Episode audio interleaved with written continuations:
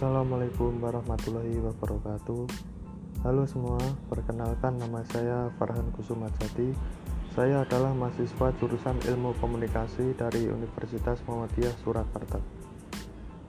Pada podcast kali ini, saya akan menjelaskan tentang manajemen media televisi yang sudah saya review dari buku berjudul Manajemen Media Massa. Buku tersebut ditulis oleh dosen saya sendiri yaitu Bapak Fajar Junaidi Beliau merupakan dosen pengampu mata kuliah pengantar penyiaran di Universitas Muhammadiyah Surakarta.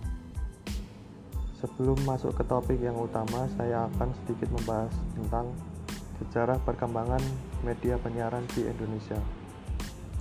Perkembangan media penyiaran di Indonesia mengalami lonjakan pesat pasca reformasi pada tahun 1998. Sebenarnya sejak masa-masa akhir kekuasaan Orde Baru, pemerintah yang berkuasa saat itu mulai membuka kesempatan bagi swasta untuk bersiaran. RCTI salah satu televisi swasta yang pertama yang mengudara pada tahun 1989.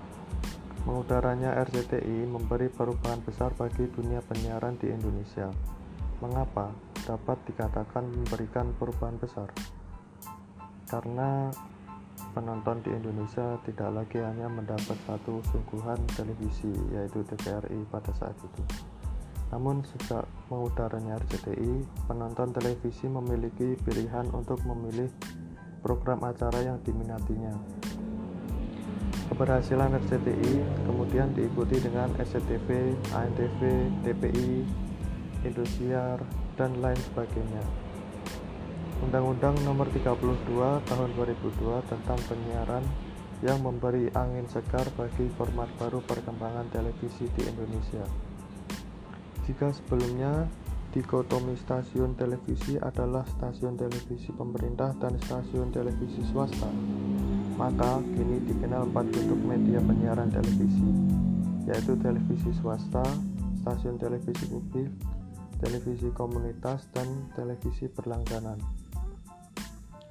Jika ditelusuri dari sejarahnya, perkembangan teknologi televisi dapat diacak mulai berkembang pada tahun 1923.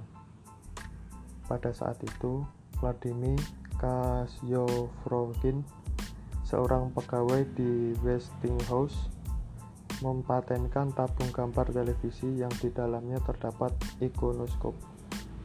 Empat tahun kemudian, bersamaan dengan NBC mengorganisir siaran radio jaringannya. Bilo Fastword mengembangkan sistem dan mempatenkan tabung di sektor atau disebut juga di sektor tube. Di saat orang-orang lain bereksperimen dengan cara bagaimana menyiarkan gambar, dua orang peneliti independen ini memberikan sumbangsih besar dalam kelahiran seluruh transmisi televisi. Namun demikian, sebelum mereka menemukan teknologi yang kemudian dikenal sebagai televisi, konsep tentang televisi sebenarnya telah ditemukan oleh seorang ahli fisika Prancis yang bernama Alexander Edmond Becquerel yang melakukan observasi tentang efek elektromagnetik cahaya. Observasi inilah yang kemudian menjadi dasar dari perkembangan teknologi televisi sampai saat ini. Perkembangan televisi mengalami kemunduran pada masa depresi ekonomi melanda Amerika Serikat. Di saat yang sama, negara-negara Eropa Barat juga mengalami krisis ekonomi dan politik pasca Perang Dunia ke-1 akhir dekade 1930-an terjadi perubahan besar yang mengubah secara menyeluruh aspek politik, ekonomi, dan budaya ketika sebuah teknologi baru diperkenalkan kepada publik.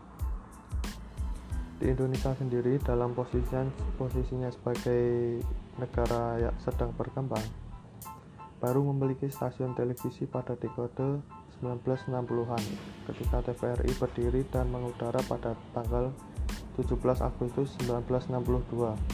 Pendirian TVRI pada awalnya digunakan untuk tujuan menyukseskan penyelenggaraan Asian Games yang keempat. Perubahan dalam dunia penyiaran televisi di Indonesia mulai tampak di tahun 1987 ketika RCTI diizinkan bersiaran terbatas di Jakarta dan sekitarnya. Persaingan bisnis dalam dunia penyiaran pun semakin ketat, baik di radio dan televisi. Keberhasilan dan kegagalan dalam bisnis penyiaran sangat tergantung pada manajemen dalam media penyiaran.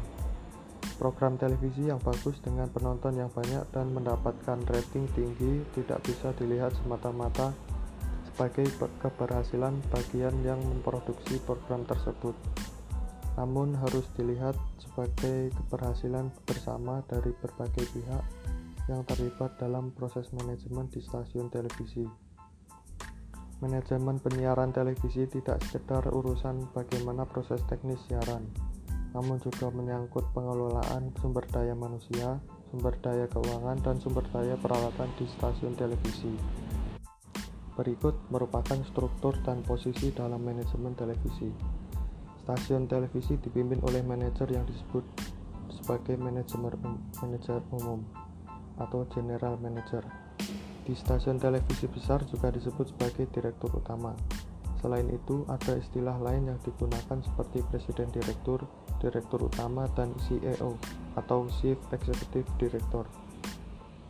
Pimpinan tertinggi dalam institusi media televisi ini sekaligus menjabat posisi sebagai ketua dewan direksi atau board of the direction anggota dewan direksi meliputi beberapa direktur yang memimpin berbagai divisi dalam stasiun televisi dewan direksi inilah yang memiliki tanggung jawab untuk mengelola manajemen penyiaran dari salah satu stasiun televisi yang juga meliputi aspek bisnis dalam industri penyiaran. Tugas dari pimpinan tertinggi dalam manajemen di stasiun televisi meliputi beberapa tugas. Yang pertama, manajemen harus mengkoordinasi berbagai program acara yang ada di stasiun televisi tersebut. Lalu yang kedua, manajemen harus dapat mengarahkan program acara yang ditayangkan adalah program acara yang diminati oleh pemasang iklan. Ketiga, manajemen harus mampu memberi arahan kepada seluruh karyawan agar mampu melakukan kerjasama antar berbagai divisi yang ada. Secara struktural, tidak ada standar baku dalam manajemen stasiun televisi. Ada empat fungsi dasar dalam struktur organisasi media penyiaran televisi, yaitu teknik, program, pemasaran, dan administrasi. Bagian teknik mengemban tanggung jawab dalam menjaga kelancaran siaran berbagian teknik juga bertugas merawat peralatan yang ada agar selalu prima ketika digunakan untuk produksi di program televisi. Selanjutnya adalah bagian program siaran. Bagian ini mengemban tugas untuk menyuguhkan program acara bagi khalayak. Untuk itu, Bagian ini harus mampu melakukan penataan program siaran agar sesuai dengan kalayak. Kegiatan penataan program ini disebut sebagai programming. Dalam melakukan programming, bagian program siaran harus mempertimbangkan jenis acara, waktu tayang, serta perilaku penonton kalayak. Bagian promosi ini memiliki tugas untuk menjual program-program yang dimiliki stasiun televisi pada pengiklan. Dengan demikian, bagian ini menjadi vital bagi stasiun televisi swasta yang membutuhkan pendapatan dari iklan untuk menjamin keberlanjutan siarannya. Bayangkan jika ada sebuah televisi, stasiun televisi yang memiliki program acara yang bagus, namun bagian program pemasaran dan penjualan program tidak mampu mengait pengiklan untuk mengisi slot iklan pada program tersebut. Bisa dipastikan stasiun televisi akan mengalami kerugian yang besar karena banyak iklan melayang. Fungsi administrasi ini meliputi tanggung jawab pada pengelolaan sumber daya manusia, pembukuan, pembayaran gaji, dan pengelolaan anggaran.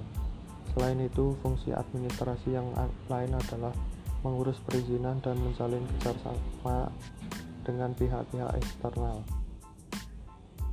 Cukup sekian penjelasan materi tentang manajemen media televisi yang dapat saya sampaikan. Terima kasih atas perhatiannya. Wassalamualaikum warahmatullahi wabarakatuh. Sampai jumpa di podcast selanjutnya.